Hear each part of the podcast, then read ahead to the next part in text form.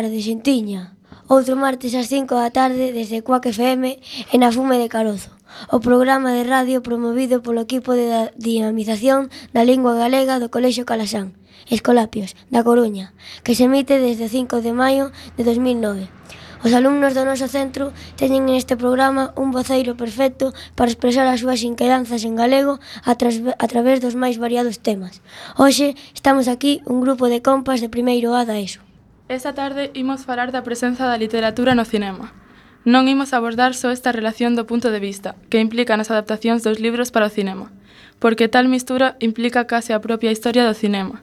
Imos falar logo tamén de algunhas mostras cinematográficas que de algunha perspectiva reflexionan sobre literatura ou abordan a cuestión literaria dun punto de vista artístico. Intentaremos enchernos de máis motivos para nos emocionar e adorar a literatura. Antes de máis, recorde, recordemos que a literatura e o cinema están relacionados en catro aspectos básicos. A literatura determina nas súas orixes a natureza dos filmes, os seus motivos e estrategias. A literatura e o cinema son formas narrativas, modos de contar cousas, polo que comparten estruturas míticas, populares e de relato. Ambos están vinculados mediante a adaptación e o cinema exerce unha influencia estética nas obras literarias e no concepto tradicional de literatura. Literatura e cinema, cinema e literatura, libro ou película. A polémica entre a literatura concebida como unha arte e o cinema cualificado moitas veces de espectáculo é igual de antiga que a primeira adaptación realizada en cinema, é dicir, igual de bella que o propio cinema. De alguna maneira, estas dúas disciplinas teñen un mesmo obxectivo, Contar historias e un dos seus elementos básicos ten sido o mesmo, a palabra. Aproveitamos para escoitar nunha primeira pausa musical un tema da mítica Cinema Paradiso.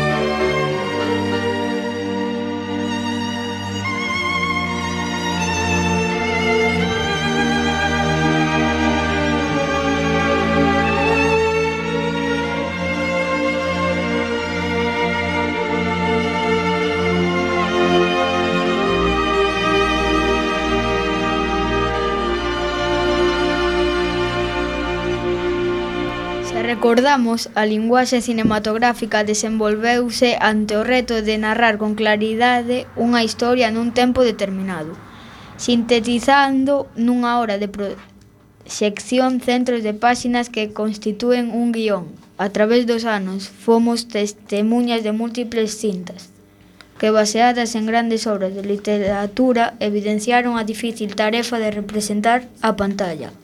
As imágenes literarias Isto sen dúbida resultou en certos e decepcións. Con todo, resulta primordial recoñecer que se ben son dous medios distintos, isto non os fai incompatibles, senón complementarios. Hoxe, do mesmo modo que a principios do século XX, hai que considerar que o cinema é un modo de expresión tan novo que necesariamente debe ser diferente da literatura con expresividade distinta, linguaxe diferente, que lle chega nova tecnoloxía e enfoque a arte.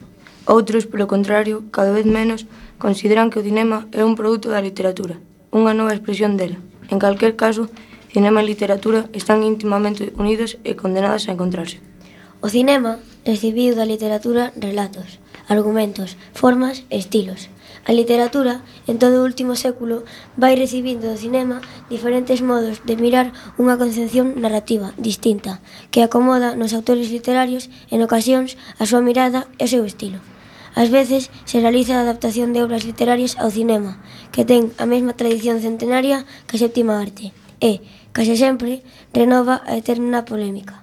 Adoita se rexeitar a película lamentando que a complexidade do texto literario ten sido desprezada pola superficialidade das imaxes. En ocasións faise un guión que non deixa de ser unha obra literaria exclusivamente para o cinema. Ás veces, as menos, tras a película escribiuse a obra literaria.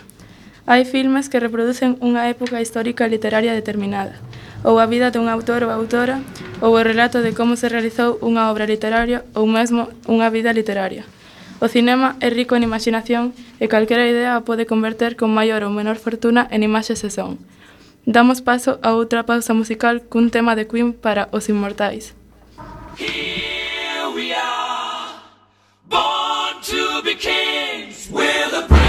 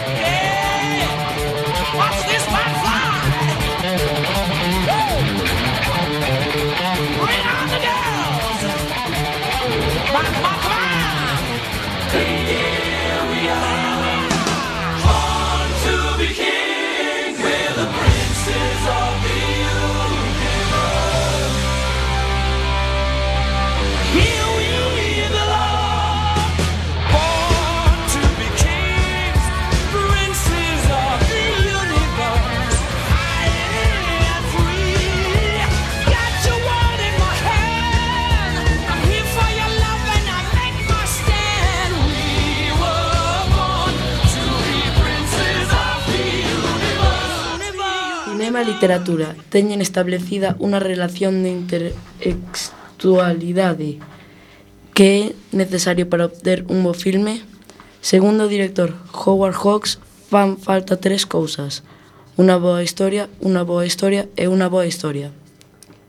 O cinema, como espectáculo das imaxes, desde o rexurdimento atrapou millóns de persoas no mundo A súa marcada influencia social é un dos motivos polo que en moitas ocasións as obras literarias se levaron ao cinema. Co maior ou menor sorte, os textos literarios recreados quedaron plasmados no mundo das imaxes. O cinema como entretemento que se nutre das demais artes debe entenderse necesariamente como texto, dado que todo texto se construe como conxunto de citas do texto é a absorción e transformación de outro texto. A transformación que implica levar a literatura artística ao cinema é un compromiso de por sí complexo. A adaptación do guión e logo a produción da película como pasos dun longo proceso entrañan difíciles responsabilidades para os implicados. O resultado depende ademais da internacionalidade tanto do guionista como do director, de ser fiel á obra ou recrear a súa propia sensibilidade artística. Cando, mil, cando en 1895 se daba a coñecer a existencia do cinema e con este quedaba recoñecida universalmente a figura dos irmáns Luís e Augusto. Lumière, e a literatura xa tiña moitos séculos de vida. Libros como As mil e unha noites e Gargantúa e Pantagruel apelarán á esencia dos sentidos Shakespeare e Cervantes. Escribi, escribirán as súas importantes obras Hamlet e Don Quixote. Comenzaba así a veciñarse os acelerados cambios que traería a fin de, de século, mentre o cinema apareceu como arte e máis tarde como industria. Soubo porse o tom, a ton breve tempo coa literatura nutriéndose en certa Medida para logralo desta esta vinculación cinema-literatura tivo e ten distintas formas de expresarse. En ocasións, a literatura converteuse en cinema a partir da adaptación fílmica de obras literarias, onde o argumento destas se transformou nun guión cime, cinematográfico con maior ou menor fortuna, e viceversa. O éxito dunha película ás veces provocou a edición literaria da historia na que se basea o do guión da mesma. Noutras películas, a literatura converteuse en protagonista ao mostrar as vivencias dun escritor ou escritora real ou ficticio. A relación entre a literatura e o cinema pode entenderse como unha clase de inter intertextualidade. O destino de diversas obras literarias e dos seus autores foi para uns afortunados e para outros negativos, e a lista para comentar sería interminable. Así que hoxe imos destacar exemplos de obras que nos din algo sobre a literatura, non que necesariamente apartan do texto literario adaptado. A proposta que traemos é de analizar algúns títulos que, tocando diversos xéneros literarios, fan que reflexionemos sobre a literatura e a arte de escribir, que mesmo axuden, a través do cinematográfico, a entender mellor a arte literaria e, en consecuencia, a que nos guste máis do que xa nos gusta. Por exemplo, en 1989, Peter Weir fai Dead Poets Society, o Club dos Poetas Mortos, un filme que callou ben, ben fondo en varias xeracións de adolescentes, O motivo disto, a presenza do entusiasta señor Keating, que levaba métodos de ensino diferentes a un elitista e escrita escola privada de Nova Inglaterra. O profesor Keating encaixaría ben entre os seus alumnos, porque con el descubrirían a poesía, o significado do carpe diem, aproveitar o momento, e a importancia vital de loitar por alcanzar os sonhos. O xénero lírico, é dicir, a poesía, tamén en parte o teatro, Era o fío conductor da trama e símbolo de rebeldía, xa que eran os poemas onde os estudantes encontraban respostas ás dúbidas existencias propias da súa idade. O profesor Keating ensina a ler a literatura dando importancia ao que lle día cada un, non o que pensamos que o autor quere dicir.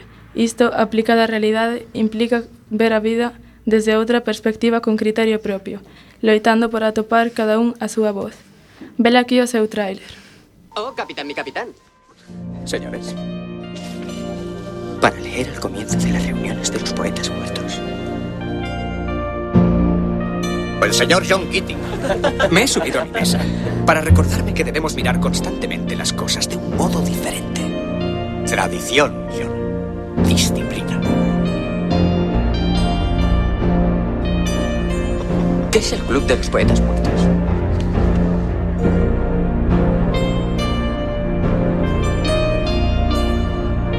Poesía, la belleza, el romanticismo, el amor, son las cosas que nos mantienen vivos.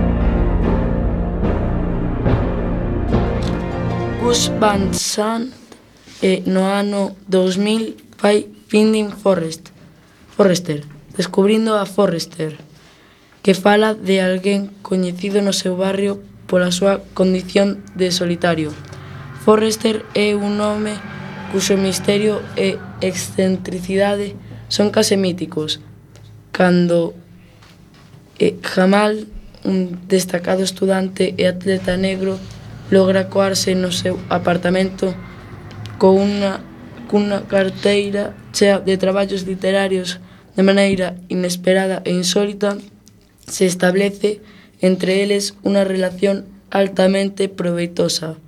Após reflexionar sobre a vida a través da literatura, coa fin de que Jamal avance na súa creatividade narrativa, seguindo unha consigna A primeira clave da literatura é escribir, non pensar.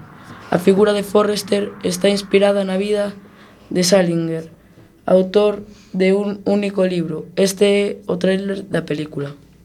¿Le habéis visto alguna vez? Al ventana no, pero él sí que nos ve, tío.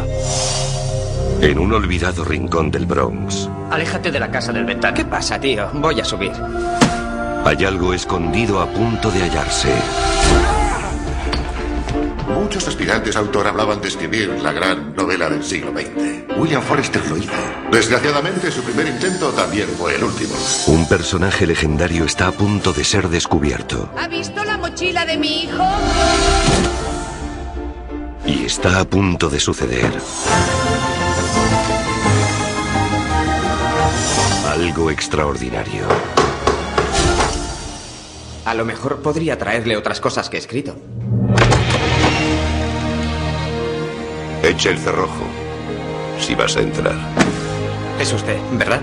Si te pido que no le digas nada a nadie. ¿Y si yo le pido que me ayude con lo que escribo? La cuestión referente a su último trabajo no es si es bueno, ¡Golpea las teclas! sino demasiado bueno. Descubrirás ¿Crees que no lo ha escrito él? Es jugador de baloncesto. la pasión, En lo que escribes siempre te preguntas qué quieres hacer con tu vida. el valor Es una melancólica verdad que incluso los grandes... Grandes hombres tienen malas relaciones. Dickens. ¿Sabes lo que más teme la gente? Oirás el latir del corazón de un caballo. Kipling. Aquello que no entiende. Venga, profesor. ¡Márchese! y te encontrarás a ti mismo. Columbia Pictures presenta Me llamo William Forrester. Soy ese de ahí. al ganador de un Oscar, Sean Connery. La escuela ha organizado un concurso literario. ¿Se presentó usted a alguno? Una vez. ¿Y ganó? Por supuesto que gané. ¿Ganó dinero? El Pulitzer. Descubriendo a Forrester. Do 2002 e Adaptation, O ladrón de orquídeas. Charlie Kuhlman, un guionista de Hollywood, vive un período de crise creativa, todo o contrario que, su, que o seu irmán xemelgo, Donald. Charlie escribe tal como vive, con gran dificultade e cheo de inseguridades, mentres que Donald vive tal como escribe, con deixadez. Pola súa parte, Susan escribe sobre a vida, pero é incapaz de vivila. Polo contrario, a intensa aventure a intensa e aventureira vida de John é digna de unha novela. Este traballo é un xogo interesante de contraposicións, un dinamismo continuo, guión novela, originalidade convención, literatura cine, realidade ficción. Este foi no seu momento o reclamo publicitario para a película. Está decepcionada. Lo supe cuando nos conocimos. Oh, tengo que dejar de sudar. Oh, cómo me mira. Ella ve a un calvo. Piensa, jamás me acostaría con este tío. Eres genial. Oh, gracias, eres muy amable. Voy a empezar. El café me ayudará a pensar. Un café y un pollo. Este sábado iré a Santa Bárbara y me preguntaba si... Um, Disculpa. ahora mismo te traigo el bollo. Un redoble, por favor. Voy a escribir para el cine, igual que tú. Habrá una secuencia de persecución. El asesino huye a caballo. La policía le sigue. Ellos van en moto. Será una batalla entre motos y caballos. La tecnología contra el caballo. Nos gustaría mucho suscribir una opción sobre esto. ¿Queréis convertirlo en una crucilada? Yo no sé cómo podría sentir algo por alguien tan apasionado como John Laroche. Es un tipo alto y muy apuesto. El libro no es una historia. No hay historia. Inventa una. Empezamos con Laroche. No, empecemos al comienzo de la vida. No, empezamos con ¡Eres un hombre blanco! Empezamos con Charlie Kaufman. Calvo, feo, gordo, penoso. Me he metido en mi propio guion. Eso es muy raro. Es muy posible que Susan y Laroche acaben enamorándose. No quisiera estropearlo convirtiéndolo en una producción típica de Hollywood. No quiero sexo gratuito, ni armas, ni persecuciones de coches, ni personajes superando obstáculos y venciéndolos al final. Está llorando. ¿Qué nos oculta? Creo que deberías hablar con esa mujer para conocerla. La gente encuentra el amor y también lo pierde. Todos los días alguien toma la decisión consciente de destrozar a otra persona.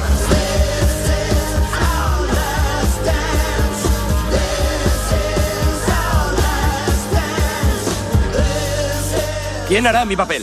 Alguien habrá. Yo debería hacer de mí.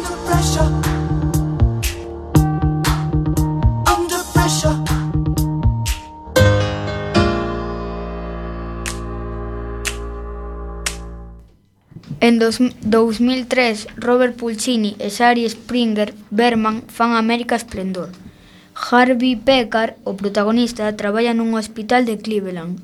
A súa única vía de escape é fronte á rutina diaria discutir sobre todo o divino e o humano cos seus compañeros de traballo. Casualmente coñece a Robert Crumb, un diseñador de postais amante da música que nos anos despois se fai famoso gracias aos seus cómers undergrounds. A idea de que o cómic, tamén coñecida como banda deseñada, é unha forma de arte para adultos.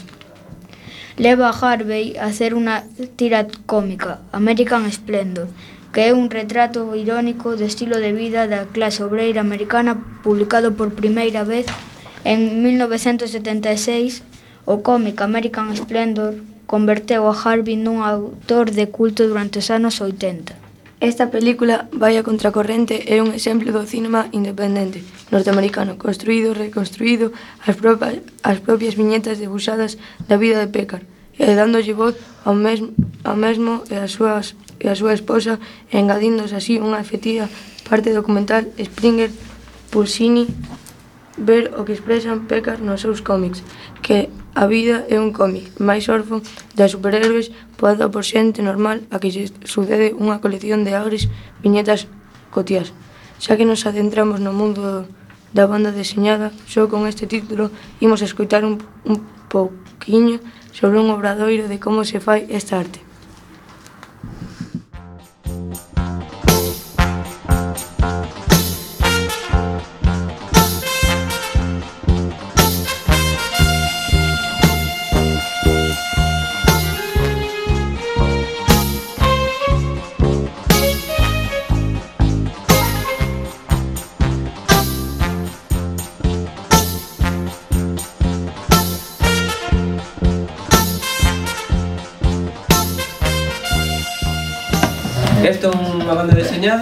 que fixen eu, vale?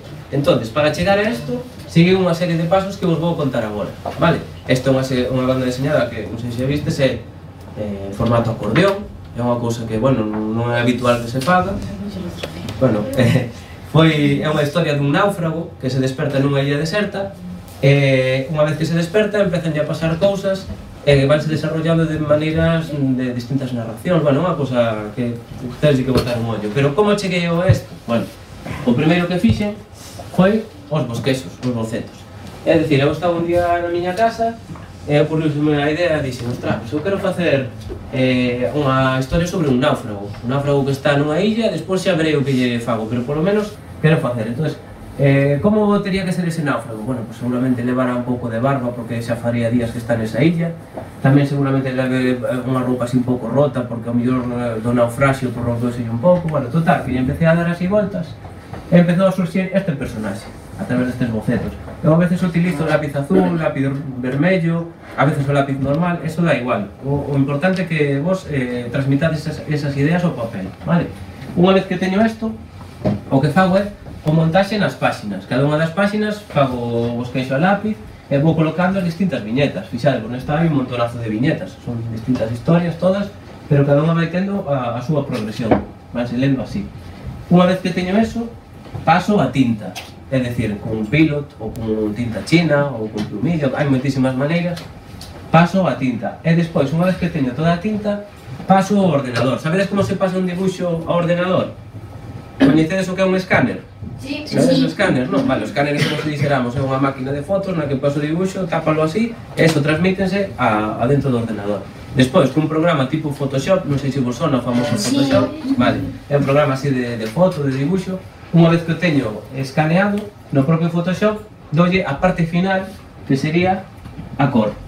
Vale, e unha vez que máis ou menos vou lle dando así cor, probando cousas, unha vez que se acaba todo, teria que facer o resto de páxinas. O cómic este ten 50 páxinas, entón esas 50 páxinas serían o proceso sería este. Vale? Se si fose en Xapón, en dos, tres, en dos ou tres semanas xa estaba listo, pero bueno, este levou máis tempo, vale? Entonces, que imos facer agora? Máis ou menos xa sabemos...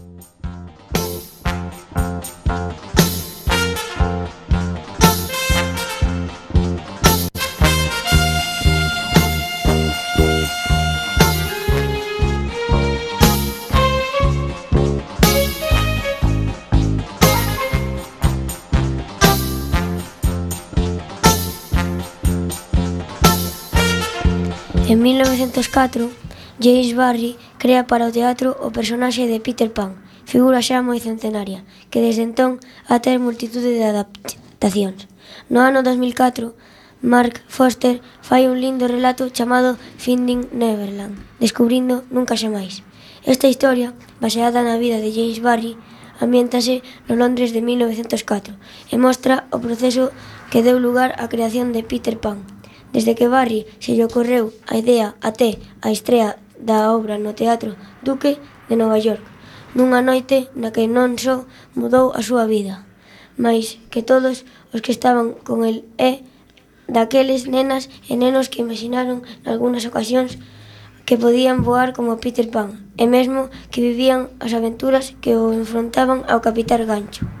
Das maiores cualidades do cinema é que é quen de conseguir facer que aflore do interior das persoas un fragmento enterrado da infancia perdida, dos sonos que quedaron no camiño cara á vida adulta e da plenitude interior que só nos transmite a beleza do intangible.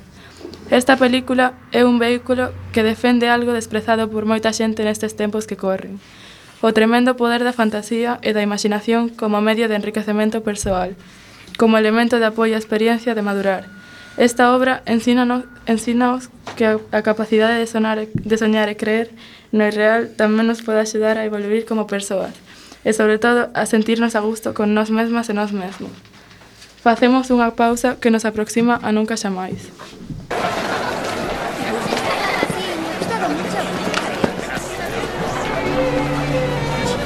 Señor Barry. Señora Snow. Gracias. Creo que ha sido la función con la que más he disfrutado en un teatro. Vaya, es usted muy amable. Gracias. ¿Dónde está el señor Snow?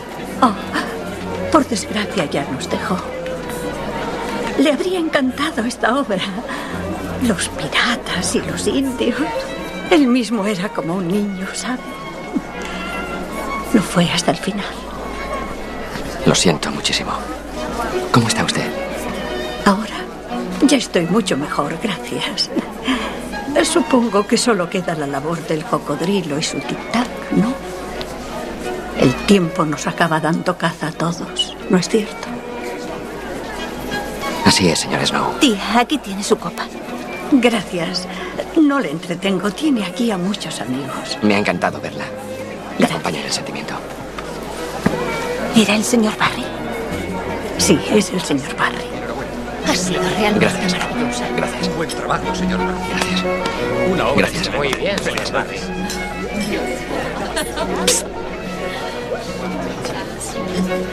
¿Qué te ha parecido? Trata del verano que pasamos juntos, ¿eh? Eso es. De todos nosotros. Exacto. ¿Te ha gustado? Es mágica. Gracias. No, gracias a ti. Gracias, Peter. Sí, es Peter Pan. ¡Qué sorpresa! No me digas, ¿tú eres Peter Pan? Debes de ser un pequeño aventurero. Miren, es cierto, no tiene sombra. Pero yo no soy Peter Pan. Es él.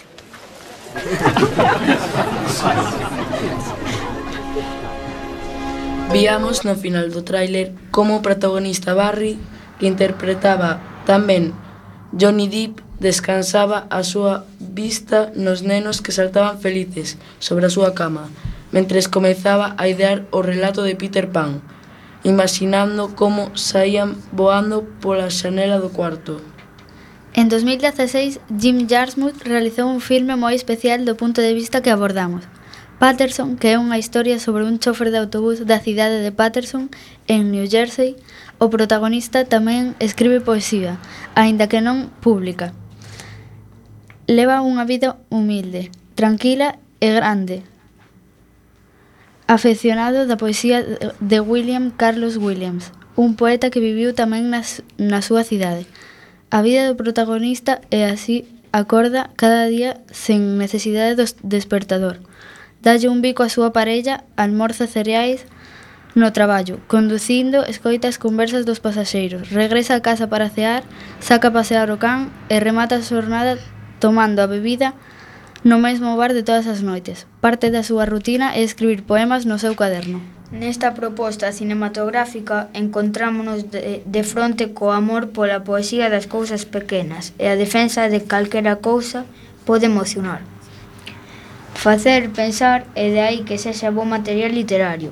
Lonxe da literatura máis académica e elitista, Patterson establece un vínculo entre espectador e a súa poesía aproximando para así eh, é convidado a entrar nela dunha forma que outros non o conseguen.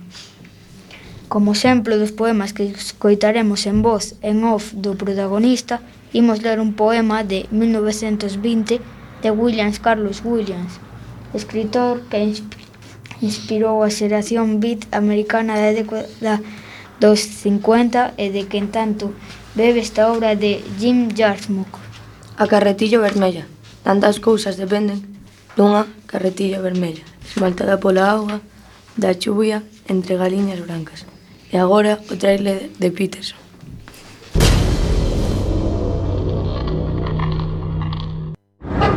Buenos días, Doni. ¿Va todo bien?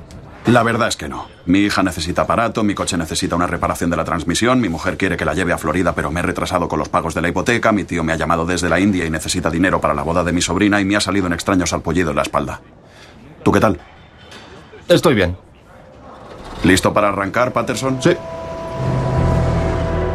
Cuando eres pequeño, te enseñan que hay tres dimensiones. Altura, anchura y profundidad. Como una caja de zapatos. Más adelante te enteras de que hay una cuarta dimensión. El tiempo. Tu poesía es realmente buena y puede que algún día permitas que el mundo la lea. Mírame a los ojos. Eres un gran poeta.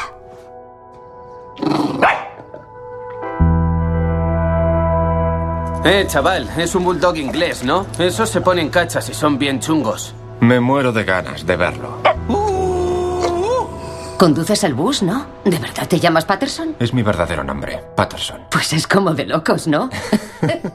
Trabajo en un poema para ti. ¿Un poema de amor? Sí, supongo que si es para ti, es de amor. He tenido un sueño maravilloso. Teníamos gemelos. Gemelos. Todos tus poemas siguen en esa libreta. Tu libreta secreta. Cruzo trillones de moléculas que se apartan para dejarme pasar. Mientras que a ambos lados, más trillones se quedan donde están. Aquí Patterson del bus 23. He tenido un percance. El puñetero trasto podría haberse convertido en una bola de fuego. Podría estar realizando mi sueño, ser cantante de country. Nashville, allá voy. Prepárate, Nashville. ¿Crees que hay más anarquistas en Patterson? Aparte de nosotros, no creo. Si no hay amor, ¿qué razón hay para nada? No irá a cometer una locura. No hace más que locuras. ¡Que nadie se mueva! Un conductor de autobús en Patterson. Ajá. Ajá, ¿qué? Eso es muy poético. Me están dando una paliza hoy. ¿Con quién juegas? Conmigo mismo. Foi no mesmo ano de Patterson que os argentinos Mariano Con e Gastón Duprat fixeron El ciudadano ilustre. Este filme fala sobre Daniel Mantovani, escritor argentino galardoado co Premio Nobel de Literatura. Hai 40 anos abandonou a vila de onde era originario e partiu cara a Europa, onde triunfou escribindo sobre a súa localidade natal, Salas, e os seus personaxes. No cume da súa carreira, o alcalde de Salas convida a Montovani para nomealo cidadán ilustre e este conta todo prono, conta todo contra todo pronóstico decide cancelar a súa apertada axenda e aceptar o convite. Durante a súa estadía en Salas, Montovani faría fará algunhas reflexións sobre a arte de escribir. Nesta comedia faísenos tamén pensar sobre a relación do escritor e a literatura en sí. O artista debe ser boa persoa. O artista, para mellorar o mundo, debe decidir cousas boas. Non e non. Iso responde convencido o protagonista: a obra literaria debe ser autónoma e libre, e ao contrario que as persoas mals debe contar as cousas como son, sen medo nin disimulos, lonxe da mentira oficial que se espalla cada día. O compromiso supón risco, sinceridade crítica, non, comba, non cobardía, trampa ou máis escuridade nin moito menos masaxe. A literatura debe servir de espello non como panfleto ou manual de cidadanía para que o lector a través dos personaxes entenda de forma indirecta absorba os valores ou os seus contrarios encarnados en series de ficción contraditorios de tal forma que se poida desenvolver sospeita, capacidade analítica e un mínimo de interese polo mundo. Para así sair da súa minucia persoal tan irrelevante e burda e outra pregunta importa que el autor vivise o que narra tampouco é o de menos o que conta é a verosimilitude da ficción. A súa lógica interna non a trivial vida do autor. E este é o seu tráiler. Tengo la convicción de que este tipo de reconocimiento unánime tiene que ver directa e inequívocamente con el ocaso.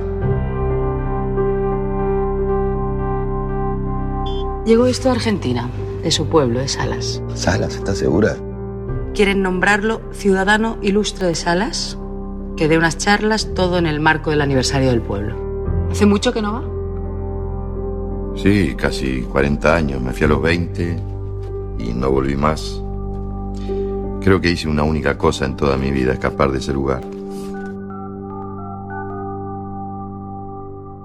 Voy a ir. Con ustedes, el Premio Nobel de Literatura y flamante ciudadano ilustre de Salas, Daniel Mantovani.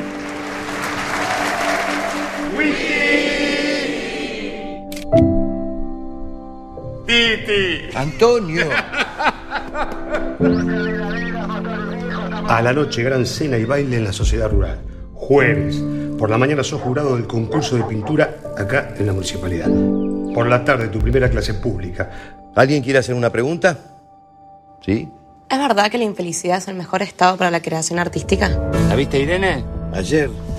Sí, nos vimos, charlamos un rato, nos pusimos al día. ¿Y cómo la viste? Bien, bien. Mira lo que es esto. Cabecita de cordero.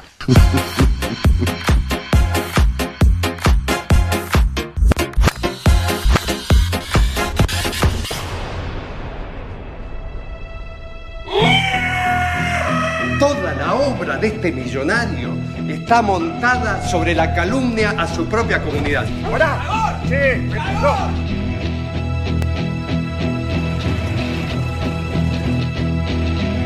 Vamos, amiguito. Vamos.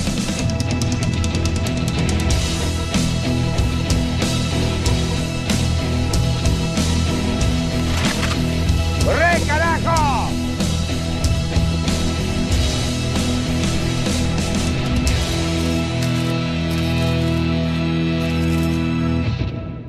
Recente de 2017, El Atelier, o Obradoiro de Escritura, ambientada en la ciudad, localidade de pasado industrial do Mediterráneo francés.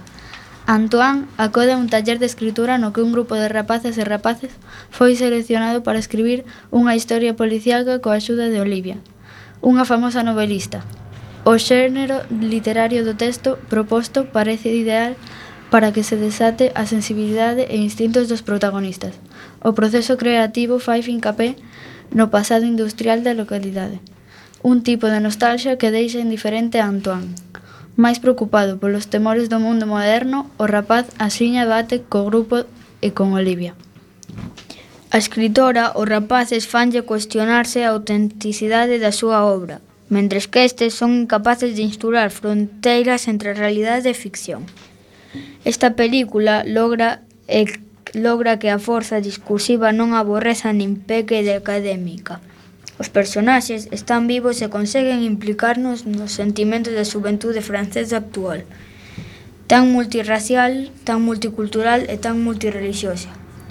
Deste título podemos extraer reflexión sobre a vida e sobre a literatura.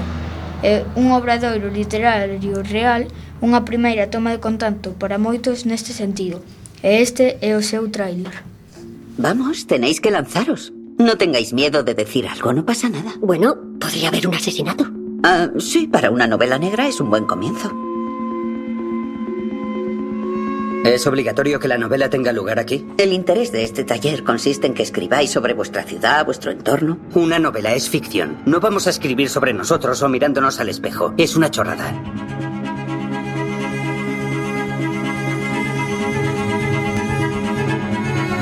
¿Por qué una escritora como usted vendría a perder su tiempo aquí? No creo que esté perdiendo el tiempo. He venido porque me interesa. Nos toca a nosotros, los nacionales que encarnamos el gen francés, hacer algo. Estamos luchando por una cultura que ahora está en peligro debido a este mestizaje galopante. Sabemos lo que quiere decir uno cuando afirma que no le interesa la política. Cállate. Ya no pensaba en nada. Abrió su bolsa, sacó un Kalashnikov y antes de que alguien reaccionara, disparó. Nada pudo detenerlo. La visión de la sangre le animaba a continuar. ¿Tienes lejía en la cabeza, tío? Es asqueroso. ¿Tú quién eres para Siéntate o te arranco la cabeza. Aunque os sorprenda, creo que el texto de Antoine, para ser el primer intento, está bastante bien escrito. Es un racista y le defiende. No, no, no, yo no le defiendo. Solo intento comprender.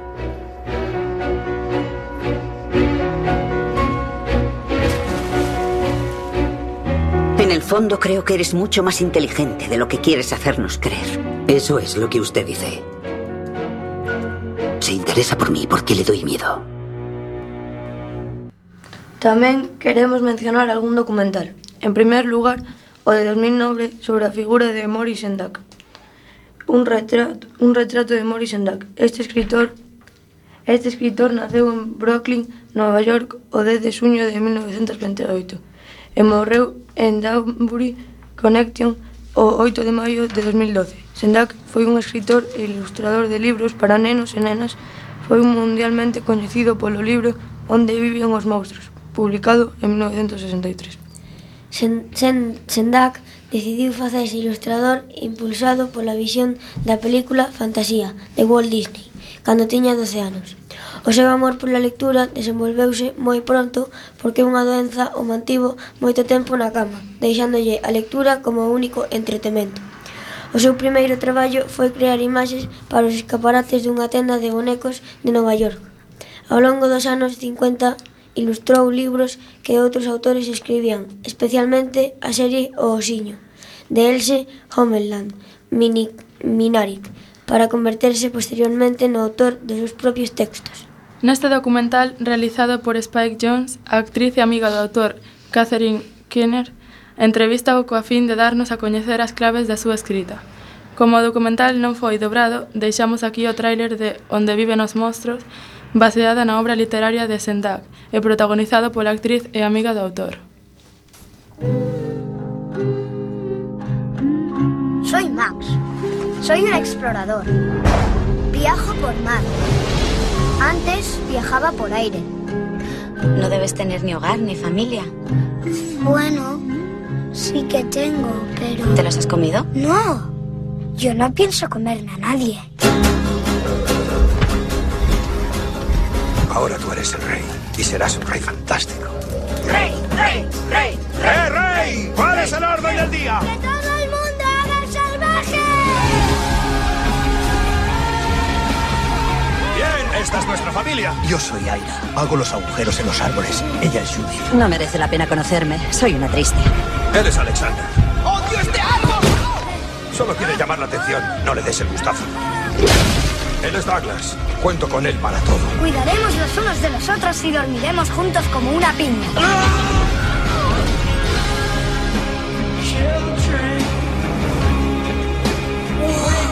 ¿Lo habéis hecho vosotros? Sí. Será un sitio donde pueda suceder todo lo que desees que suceda. Podemos hacer un sitio así. Es todo tuyo. Este mundo te pertenece. No eres realmente un rey. ¿eh? Un ano despois, en 2010, o portugués Miguel Goncalves Méndez fai xosé e Pilar un traballo sobre o Premio Nobel de Literatura. Xosé Saramago e a súa compañeira sentimental e xornalista Pilar del Río, moi influinte na figura do autor. O documental retrata a vida cotiá en Lanzarote e Lisboa, na casa e nas viaxes que os protagonistas fixeron por todo o mundo durante os últimos 4 anos de vida do, do escritor portugués. Por suposto, encontramos moitas reflexións sobre literatura, filosofía e política, como era natural en Saramago. Eu teño ideas para novelas e ela ten ideas para a vida, e eu non sei que é o que é máis importante. Para quen teña interese na figura de Saramago, é obrigatorio ver Xosé e Pilar. O documental non ten máis pretensión que enfrontar cunha lograda linguaxe visual de altas doses poéticas a vida cotiá. E Pilar e Xosé nos momentos finais da vida dun escritor que demostra ser novo nun corpo ancián. Este é o seu tráiler. Subí ontem á montaña blanca. Lembro de haber pensado enquanto subia. Se caio e aqui me mato, acabou-se. Não farei mais livros.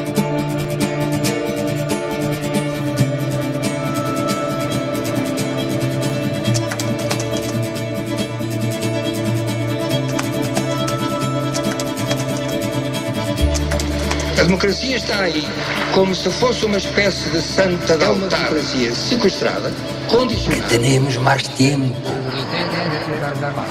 Nós outros vivimos desassossegados.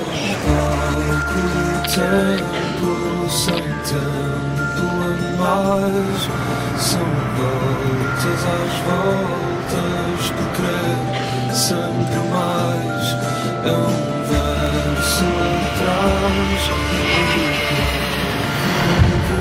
En 2018 apareceu unha ultimísima proposta en todos os sentidos desde Galiza para o mundo.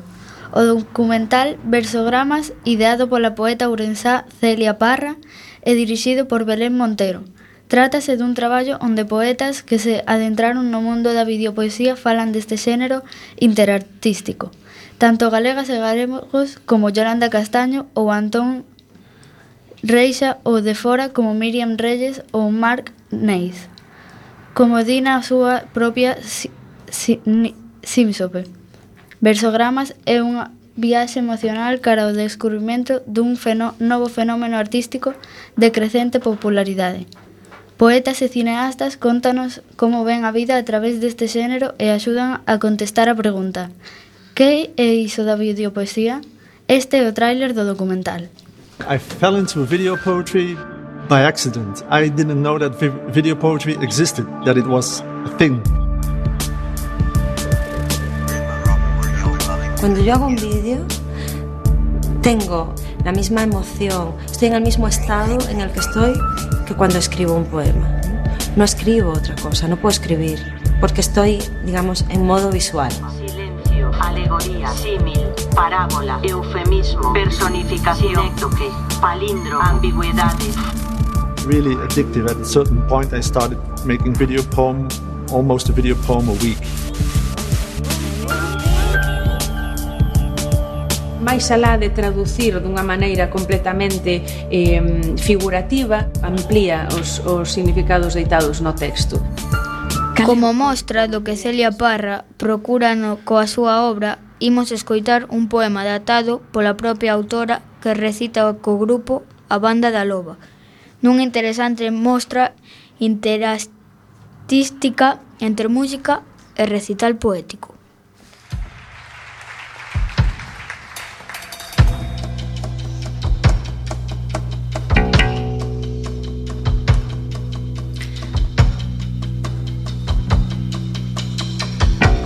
Tempo. Tempo. Contamos cos instrumentos de medición máis precisos para calcular o tempo. E aínda así, esváranos entre as mans. O tempo é o máis prezado dos minerais. O tempo non pasa ao mesmo ritmo aquí que en Marte, cando rimos ou nos aburrimos. O tempo non é máis que un longuísimo caderno pautado onde ir debuxando o que despois será Memoria.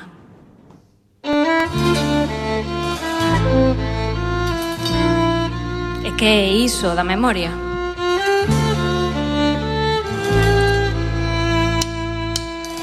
Proxectar unha película dentro da cabeza.